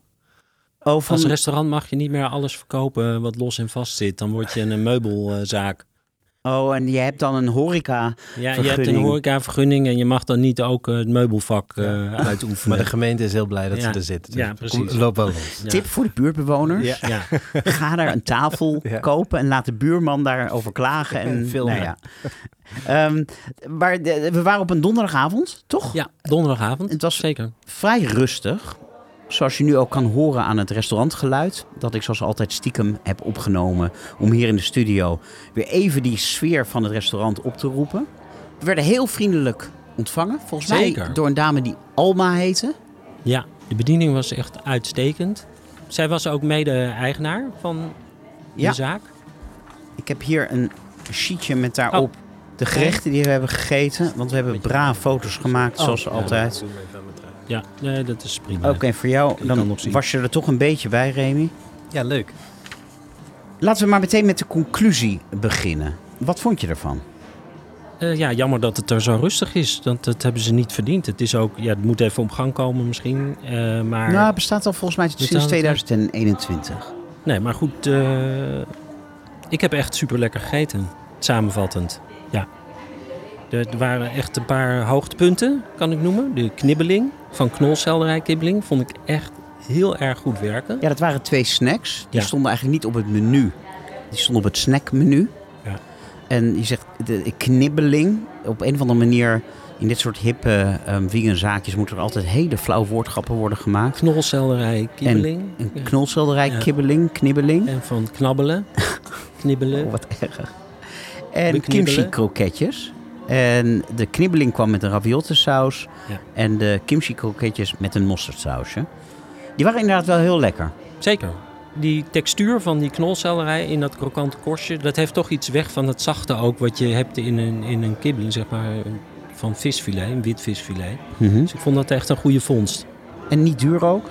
Nee. God eigenlijk voor alles. Eh, Ja, ik geloof dat het was goed. 7,50 dit. Je hebt hier trouwens Ja. het menu. Heel goed, dankjewel. Daarna hadden we twee voorgerechten.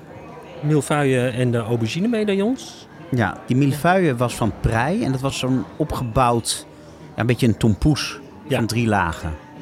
Ja, bladerdeeg zat ertussen. Niet En te eten. Gestookt. Jij vond het niet heel lekker? Nee, nee, ik bedoel onmogelijk om fatsoenlijk te eten. Ja, je- Net zoals een tompoes. nee, inderdaad, dat is dat. eh, dat moet je echt uit elkaar halen en dan apart eten als toastjes, één voor één. Net, net als een tompoes. Ja, net als een tompoes. Ja, ik vond het lekker. Dat Niet, niet heel bijzonder. Ehm, Nee. Maar het andere gerechtje, dat, was, eh, dat waren aubergine medaillons. Met als topping falafel, die lagen erop. Ja. En dat lag in een tahin yoghurt. Ja, die yoghurt was lekker fris. Ik vond die medaillons van aubergine hadden ze echt heel goed gedaan. Die waren nog stevig, maar ze waren wel goed gaar. Dat kan ik me goed eh, van herinneren. ja, ik En- vond ze juist... Jij bent een man van de Meillard-reactie. Ja, Daar had ze hadden veel- iets meer mejaar kunnen hebben. Ja, ik vond ze ze een beetje, een beetje slappig. Want ik Ja. dacht dat ze waren gestoomd. Maar ze hebben daar een pizza oven. Nee, Ja. sorry. Ze hebben daar een houtsteen over. waar ze juist geen pizza in maken, Nee. maar wel hun eigen pita's. ze alle groenten in garen. Ja, maar dan had het van mij veel meer smaak mogen hebben. Ja, Vond het had een beetje slapper. van smaak kunnen zijn. Maar wel, ik vond de textuur echt lekker. Vond de En combinatie goed met... gaar. Dat is natuurlijk altijd Dat is heel vaak het probleem ja. bij aubergine. Dat dan toch net niet helemaal gaar was. En hier was het juist heerlijk zacht. En dat vond ik ook, ja, dat gaat dan weer lekker met een krokantje van die, eh, hoe heet het, falafel. Ja, qua textuur begrijp ik het. Ja, Maar qua ja, gewoon falafelballetjes op de aubergine, ik vond het een beetje raar. En ik vond ook die saus daaronder, dat, dat was dan een tahin yoghurt. Ja. Maar hoeveel theelepeltjes tahin ze erin hebben gedaan, weet ik niet. Maar het was voornamelijk een plantaardige yoghurt. En ik zou gewoon lekker een goede tahin met wat water mengen en een erin. beetje Ja, citroensap. En laat die hele yoghurt zitten. En dan heb je een hele smaakvolle ehm, Mhm. saus erbij. Maar Ja. vies was het zeker niet. Maar ik vond dat niet een heel geweldig gerechtje. De hoofdgerechten, dat waren twee stoofschotels. ja, De eerste heette Fin Fine. ja. Ik had daar nog nooit van gehoord. Nee, ik eerlijk gezegd ook niet. En ik heb dat opgezocht. Ze hebben in Ethiopië allerlei verschillende talen. En in een van de talen, niet het Amhaars, maar de tweede taal, het Oroma, heet Addis Ababa, de hoofdstad, Ja. fin fine. Oké. Maar voor zover ik kon nagaan, is het helemaal geen gerecht. Oh, Maar ja, het zou kunnen, ja. het was een Ethiopische stoof met spinazie, kikkererwten, splitterwten en tempeh. ja. Eh, die is me niet heel erg bijgebleven. Dit is al een tijdje geleden, hè? Die andere daarentegen, om, want dit is me niet qua smaak Dat was de seitan stroganoff. Die seitan stroganoff vond ik, daar, die is me wel heel goed bijgebleven. Ten eerste omdat ik seitan een heel interessant product vind. En het bijzondere aan deze seitan was dat die eigenlijk best wel lekker zacht was. En seitan is vaak een soort stuk kauwgom. Ken je seitan, Remy? Nee, sorry. Nou, het wordt gemaakt van gluten, tarwegluten. Ja. Die kan je uit deeg wassen. Zeg maar als je gewoon een deeg hebt en je houdt het onder de kraan, dan hou je alleen de eiwitten over en dan spoel je het zetmeel eruit. Dan heb je eigenlijk de tarwegluten. Ja, En die kan je dan gaan koken in een bouillon en dat noemen ze dan seitan. oké. Heel goed ook. kneden. Ja. Ja, goed kneden. En dan hou je een soort vleesvervanger Ja. Ja, over. snap het. Dit was wel heel umami en hartig. Ja, Deze- dat was wel lekker. Dat Ja. was wel lekker. Maar ik ehm, wil heel graag naar het dessert toe. Ja. Want daar gebeurde iets bijzonders. Ja, Ik zag op de kaart staan, pak me erbij, daar stonden vier keuzes. Cookie Monster, dat waren twee bolletjes ijs. Eh, citroenwafel, limoncello wafel was dat. En daarna stond er umali. Ik dacht, umali? Is dat een soort grap, iets tussen iets met veel umami? En als er nou één Mm. smaak is die je niet veel in desserts terugvindt, dan is het umami. En galva. En galva is een soort Midden-Oosters marsepein. Dan niet gemaakt van amandelpuree, maar van sesampuree, tegina dus. Super lekker, maar nou niet iets wat je snel op een menukaart ziet. Ook niet in het Midden-Oosten. Zoals je eh, hier ook niet een, een blok marsepein krijgt als toetje. maar Maar eh, toen kwam ze bij de tafel en toen zei ze: nee, het is Um Ali. Dus ze hadden het aan elkaar geschreven, maar Um Ali is een Egyptische broodpudding. En dat vond ik heel leuk, want ik heb dat echt nog nooit op een kaart zien staan buiten het Midden-Oosten. ja. In Tel Aviv trouwens ook niet heel veel, maar daar ken ik het wel van. En ik heb in mijn eerste boek heb ik een recept voor Um Ali. Dus ik was wel heel benieuwd naar die twee. Jij wilde überhaupt geen dessert. Nee, Jij- ik wilde helemaal geen... Ik zat eh, best wel... eh, ja, maar, maar, het is werk, dus- hè? En we moeten ook Ja, de desserts ja. proberen. Gelukkig hebben we het gedaan. Zij komt die twee desserts brengen. Nou, wij beginnen te eten. En het kostte me een hap of drie voordat het kwartje viel. En toen zei ik tegen Eka... Deze recepten komen uit mijn boek. Nou, wat een mooie eer. En kijk, ik heb een recept voor galva in mijn boek. En dat is inderdaad galva met chocolade. Net zoals de galva in Cometa. Maar goed, dat had net zo goed een recept uit een ander boek kunnen zijn. Maar bij de Um Ali wist ik gelijk zeker dat de chef het uit TLV had. Want Um Ali is een Egyptisch recept. En ja, google er maar op. Het is een soort broodpudding en dat wordt gegatineerd. Ja. heb je zo'n laagje, eh, een beetje knapperig, eh, met suiker. Maar wat wij hadden was een, een semonilla cakeje met daaromheen een soort saus. Ik weet nu, weet nu dat het een, een soort malabi was Ja. wat er overheen zat. Met rozijnen en pistache. En dat is een recept dat ik heb gekregen van een chef in Tel Aviv. Die zijn creatie Um Ali heeft genoemd. Maar eigenlijk heeft het helemaal niets met Um Ali te maken. Ja. En dat was precies wat er voor mijn neus stond. Dus dat kon alleen uit mijn boek komen. Nou, toen Toen hield ik mijn hart vast, want ik dacht... Yigal gaat dit zeker zeggen tegen die ontzettend aardige dame in de bediening. Nee, het tegenovergestelde was het geval. Ik stelde de Oh ja. hele, Ja, ja, hele voorzichtige vraag waar. Want de chef die was er niet die avond. Ja. Die was niet aanwezig. Dus ik vroeg aan die dame van... hé, waar haalt jullie chef eigenlijk zijn inspiratie Jij bracht het vandaan? eigenlijk heel Vond ik een hele, hele mooie vraag. Toen zei Eke... hé, want hij is de auteur van TLV. Waarop zij naar de keuken liep... En En- boek terugkomt. En terugkwam Ja, met een ja. afgeracht exemplaar van TLV. Ja. Dat bol stond van de post-its. Ja. Ik denk 30 leuk. post-its erin. Ja, dat was echt grappig. En de pagina's van de gerechten die wij aan het opeten waren, zaten onder de vlekken. Dus nou ja, wij, dat is superleuk. Ik heb meteen eh, twee eh, espresso martini besteld om op deze unieke gelegenheid te toosten. Maar toen ging ik afrekenen. En toen koop me toch wel een soort, soort licht wrang gevoel. Ik dacht, ik sta jullie staan hier gewoon een toetje van eigen deeg te betalen. Nee. dus ik heb ook nog, ik heb nog nou half Nee, grappend... nee, nee, nee. Dit is niet. Dit, dit, het hart is open, toch? Nou ja, ik heb toen nog half grappend gezegd van... hé, hey, eh, eh, trekken we de commissie af? Hahaha, nee. En toen heb ik toch de dagen daarna wat collega's gevraagd van... hebben jullie dit soort dingen ook meegemaakt? Nou, ik geloof dat echt je eigen eh, gerechten geserveerd krijgen. Nou ja, dit was dan een gerecht uit mijn boek, wat ook niet van mijzelf was. Ja. Ehm, dat had nog nooit iemand meegemaakt, maar wel dat ze dingen tegenkomen eh, bij, in andere kookboeken of eh, op foodblogs. En de teneur was geen probleem, maar weet je, geef gewoon de credits ja, die erbij horen. Kijk, en dit was in jouw geval, eh, in dit geval was het natuurlijk al een bijzonder gerecht in jouw boek. Wat niet zeg maar het authentieke versie was, of een, Mhm. een eigen interpretatie. En die zag je dus precies hetzelfde terug. Waardoor, ja, dubbel toeval zou zijn eigenlijk.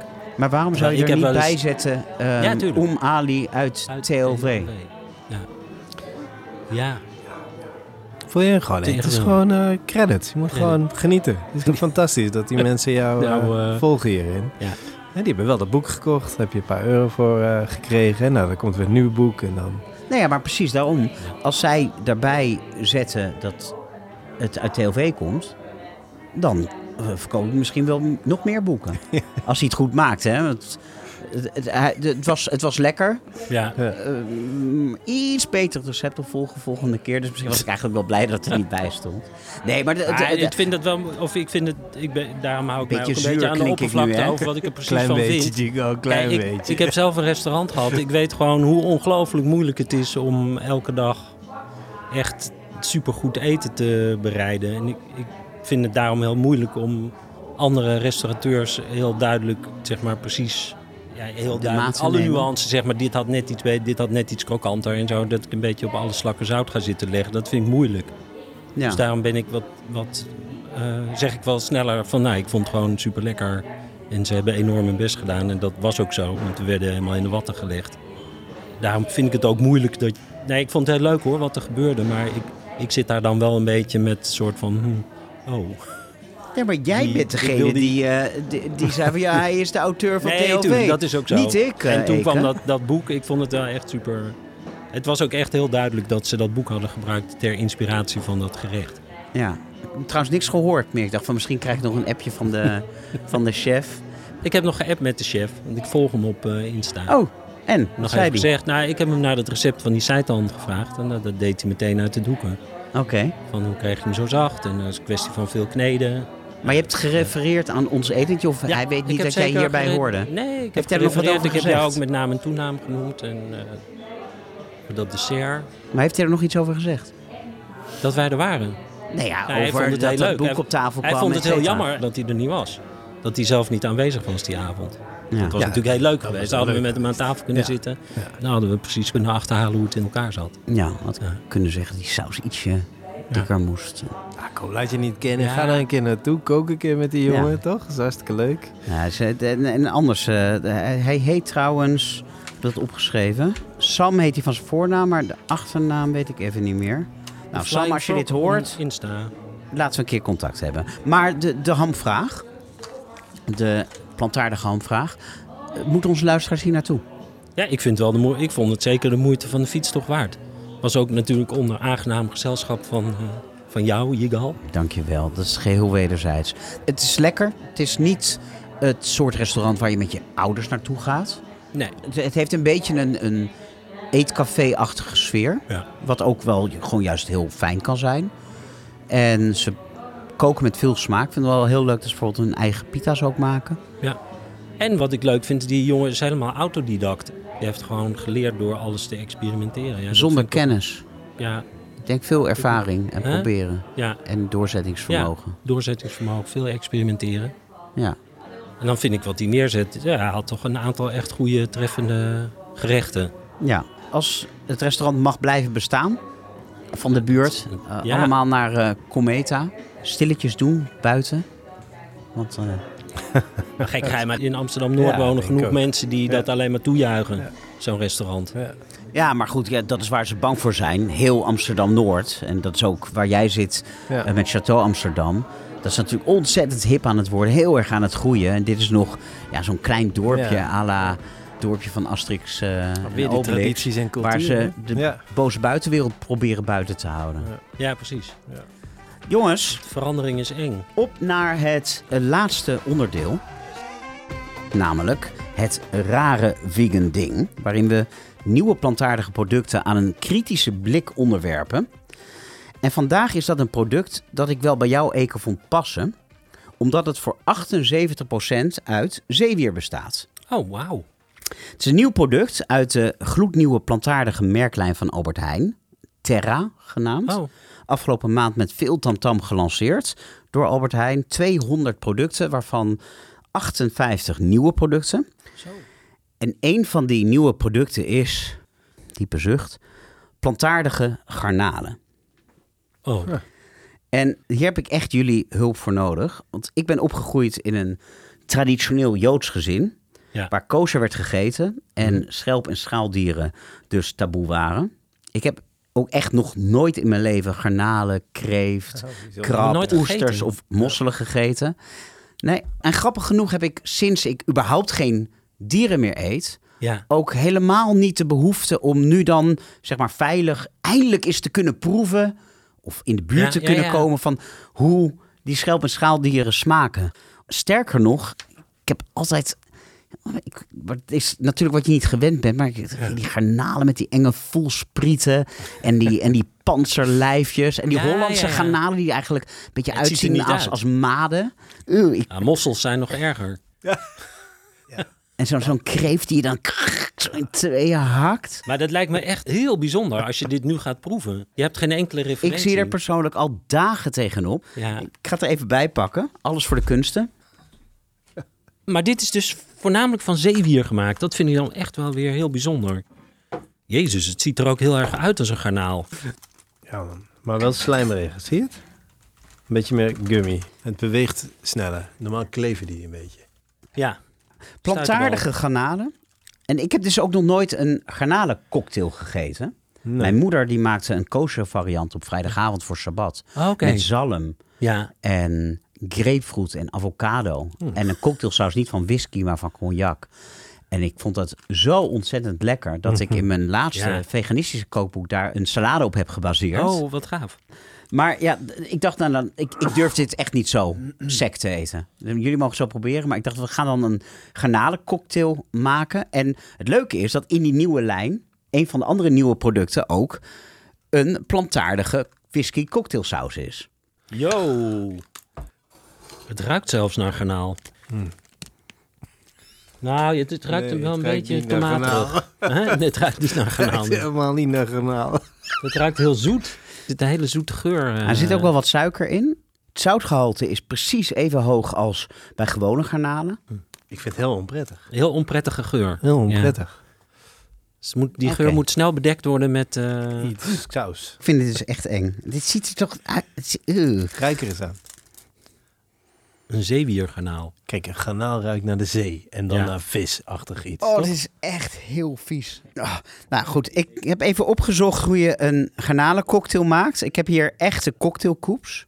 Dit is ijsbergsla. Dan de garnalen. Zo, ik verdeel de... Ho, ho, ho. We doen er wat saus overheen. Die ruikt wel enigszins oké.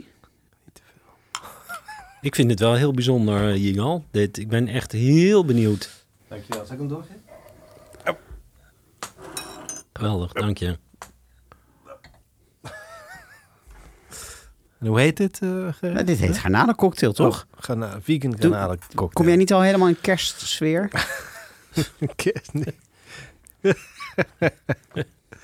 Ik vind dit echt, echt wat... eh, doodeng. je vindt het doodeng? Ja, ik vind dit echt heel eng. Ik vind het ook doodeng. dus wat dat betreft, waarschijnlijk om een andere reden, maar... Nou, ik ga, we gaan het proberen. Ik proef helemaal Ja, niks, dat is heel vaak zo. Dan, ja, dat is heel vaak met die vegan nepproducten. Is dat ze qua textuur komen ze een heel end, zeg maar. Dezelfde juiciness en een beetje knapperige. Die- het is Maar een qua beetje smaak- rubberig is het. Ja, een beetje rubberig, ja. Maar zijn echte Hollandse garnalen dat ook? Nee, Hollandse garnalen zijn veel eh, zachter. En hebben ook sowieso veel meer smaak. Maar, zeg maar de goedkope Noorse garnalen gepeld. Daar heeft dit meer, wat meer van weg. Maar het is heel, het smaakt, ik vind het naar tomaat smaken. Maar is Maar- dat, dat zit er niet in. Is dat niet de ketchup in de saus? Ja, kan ook. Ik moet er misschien even een puur... eh. Ik vind die saus ook niet heel erg lekker. Welke wijn zou je hierbij Hele zware, heel veel wijn. Ook. Eerst heel veel wijn drinken voordat je dit wil eten. Als je echt genoeg wijn op hebt, dan, heb je, dan gaat dit er zo in. Wat wel grappig is om er misschien even bij te pakken, zijn de reacties op Twitter, of tegenwoordig Ja, X, X. En dan krijg je bijna de neiging om het dan toch wel weer lekker te vinden. Echt waar? Ja, mensen zijn enthousiast. Nee, want mensen worden zo ontzettend boos. Oh, boos natuurlijk. nou. Ehm, hier, iemand, iemand schrijft... ehm, na de vegan biefstuk, diervrije kipfilet en vleesloze varkensschnitzels... heeft de grasvreet maffia van de Albert Heijn weer wat nieuws bedacht. Plantaardige garnalen. Serieus hoor. Dit is toch waanzin? Wie bedenkt dit soort gekkigheid? Er zijn bijna 1200 likes op. Ehm, Ja. Deze dame zegt... Dit zijn van die ideeën van groenen die hun brol... Ik denk dat dat drol moet zijn. Hun drol is kankerverwekkend. Onze kinderen moeten vlug sterven. Ja, ja, dit is wel echt... eh, Dit soort benaming moet er verboden worden. Het is pure misleiding, zoals veel met ons voedsel.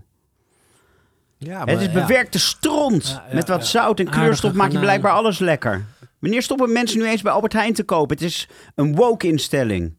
Maar goed, dit, als je het niet eh, eh, veroordeelt om woordkeuze of een beetje de banaliteit die erin zit, is het natuurlijk wel interessant dat er 1200 mensen dit soort dingen, dat dat hun eerste gevoel is Ja. bij iets wat dus hè, lijkt op wat we kennen, maar net anders is, wat beter voor het milieu is, maar ook niet zo heel lekker en een beetje afstaat van tradities en cultuur zoals je het gewend bent. Maar de mensen Dus- die dit ja. schrijven hebben het niet geproefd. Weten niet of het niet lekker is. Nee, Ja, dus maar- die zijn al bij voorbaat Ja. bang voor de verandering. Ja, maar dat is toch interessant. Dus de vraag is dan, moet je dan producten eigenlijk wel namaken? Of zou je eigenlijk nieuwe dingen moeten introduceren die vrije ruimte hebben om... Maar als voor- dusdanig waarom zou je dat te moeten? Waarom zou je dat moeten om mensen die daar aanstoot aan nemen eh, niet voor het hoofd te stoten? Nou, niet per se niet voor het hoofd zo. Ik denk dat dat niet zo erg is. Maar de vraag is, de vraag is misschien wel gewoon... waarom moet het lijken op iets wat we al wat we Nou, dat zou ik je uitleggen. Omdat Ja, om- alle ja. vegans, alle vegans zijn gestopt met het eten van vlees en vis, et cetera. Niet omdat ze het niet lekker vonden, Ja, ja. maar, omdat ze eh, vinden dat ze dat moeten doen voor de dieren of voor de wereld.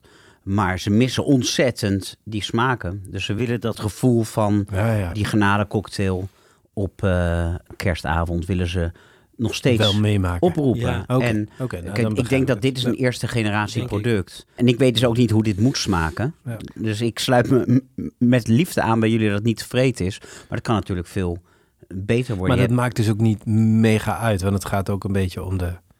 Om de ja, om er wel aansluiting te vinden bij diezelfde culturele tradities, maar wel bij je principes te kunnen blijven, toch? Ja, dat, dat of zeg je mensen toch? die nog niet vegan zijn over de streep te halen, wat minder vaak vlees of vis te eten.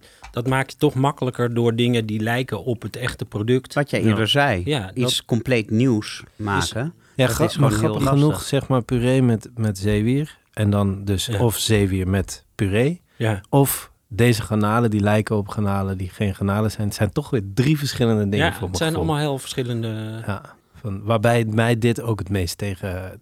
Waarbij ik het minste open hiervoor sta. Dat kost Ja. me dan echt even moeite om dan te bedenken...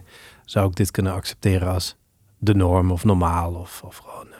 Ik denk als je ze wel heel lekker had gevonden, dan was je eh, Ja, maar dan had het, geweest. ja, maar dan Ja. had het misschien dan toch iets minder... iets meer een eigen...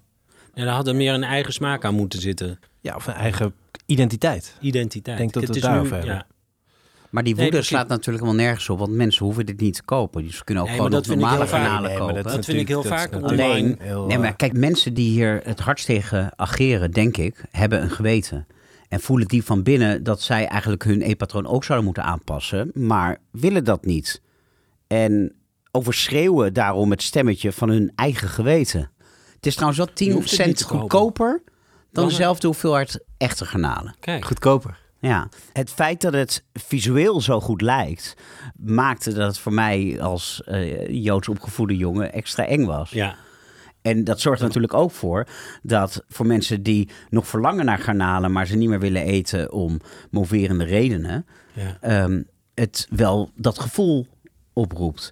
Ja. Maar er staat op het etiket enkel koud te consumeren. Ja, maar dat zou te maken kunnen hebben met de bindmiddelen die de boel bijeenhouden. Dat als je dat verhit, dat het eh, een eh, prut wordt. Dat het slap wordt. Ik denk Oh. dat het smelt. Ja, dat het smelt. Ja, dat denk ik ook. Maar we Ja. gaan het gewoon proberen. het Ja, er staat. Ja, Niet mis- doen, maar we gaan. Ik heb hier een pannetje. Een klein beetje vet erin. Wat denk jij dat er gaat gebeuren? Bub- bubbelen. Bubbelen-achtige zo, zo belletjes of zo die erop komen. Ja, ik, ik denk dat het vloeibaar wordt. De- Ik denk ook dat het eh, heel zacht wordt en uit elkaar begint te vallen. Ja, nog Nou, we gaan het nu zien.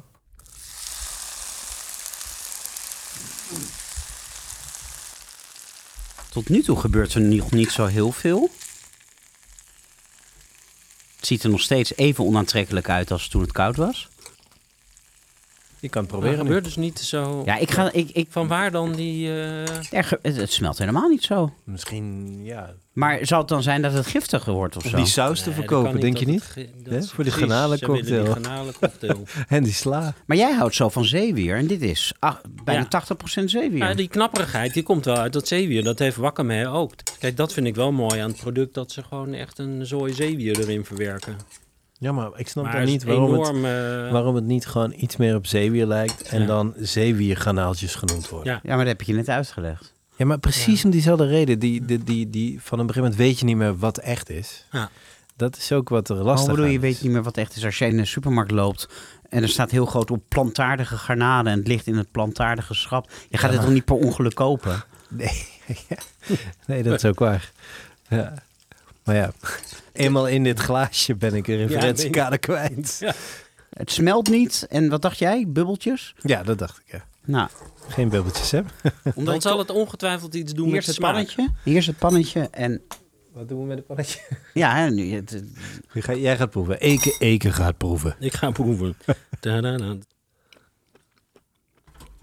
Mm, het wordt zuur. dus, dus niet, wij dachten allemaal dat het iets met de structuur zou doen, maar het doet iets Maar met de smaak. dan? Het doet, nou, of ik heb net niet geproefd dat het zo zuur was, maar ik, ik proef nu heel duidelijk een zuur erin. Samen. Ja. Nu is het wel heel vies. Ja. Het is nu wel echt. Oeh, ja, nu is het echt heel vies. Want net proefde ik het niet zo sterk als dit. Nu heb ik echt zoiets van. Eh, Mag ik ook wat wijn? Yo. Het was eerst een onvoldoende en nu is het een zware onvoldoende. Ja, ik vind het niet een heel lekker product, maar ik ben op zich niet tegen dit soort producten. Want als je dit onder een dikke laag eh, hele lekkere cocktailsaus doet, Ja. dan, Dan, of je eh, verwerkt het, zeg maar, je, je snippert het fijn en je maakt er een terrine van. Koud dan natuurlijk. dan kan het nog best wel. Nou ja, ik, ik ben wel tegen dit soort producten. Omdat het gewoon hele slechte reclame is voor een branche die op zich hele mooie en lekkere dingen doet. Ja. Dus als jij denkt van, ach, nieuw product, laat het een keer proberen. En je proeft dit, dan denk je echt nooit meer ga ik iets plantaardigs kopen. Geen alternatief meer kopen. Dat is zonde, want er zijn prachtige dingen op de markt. Ja. Dus het, het, wat Dat mij betreft vertroebelt het bekeken, de maar markt. ja. Nee, dit moet verboden worden. Maar goed, ik heb mijn hele leven zonder garnalen gedaan. ja, precies. En ben toch een lekkerbek geworden. En Ja. nu een vegan lekkerbek. En ik kan hier prima zonder. Jongens, hiermee zit de 18e aflevering van de Vegan Lekkerbek erop. Nog even de oproep om allemaal een kijkje te nemen op de Instagram-pagina van de Vegan Lekkerbek. Simpelweg at de Vegan Lekkerbek geheten. Daar vind je achtergrondinfo over alles wat we vandaag besproken hebben. Inclusief Ekes recept voor de plantaardige aardappelpuree. Mhm. Alle info over de Amsterdamse wijn die Remy schonk. En de kortingscode. Maar dat was dus gewoon lekkerbek. Ja. De prijsvraag om Ekes boek van aardappel tot zeewier te winnen. Vergeet de podcast niet te belonen met 5 sterren op Spotify, iTunes, Podimo of waar je dan ook. Rot op die garnalen, maar kutgeluid ook. Alles irriteert me nu aan die garnalen.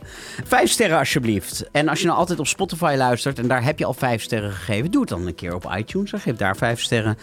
We nemen al onze aflevering op bij Microphone Media. Ben je van plan om zelf een podcast te maken en wil je dat die beter klinkt dan de krakkemikkige huisvleit waar het gros van de podcast onder gebukt gaan, neem dan contact op met Koos en Frank. Die helpen je op weg en besparen je veel kopzorgen. En niet onbelangrijk de aanschaf van dure opnameapparatuur. Eke en Remy, dank voor het komen. Daar ga je. Salut. Proost.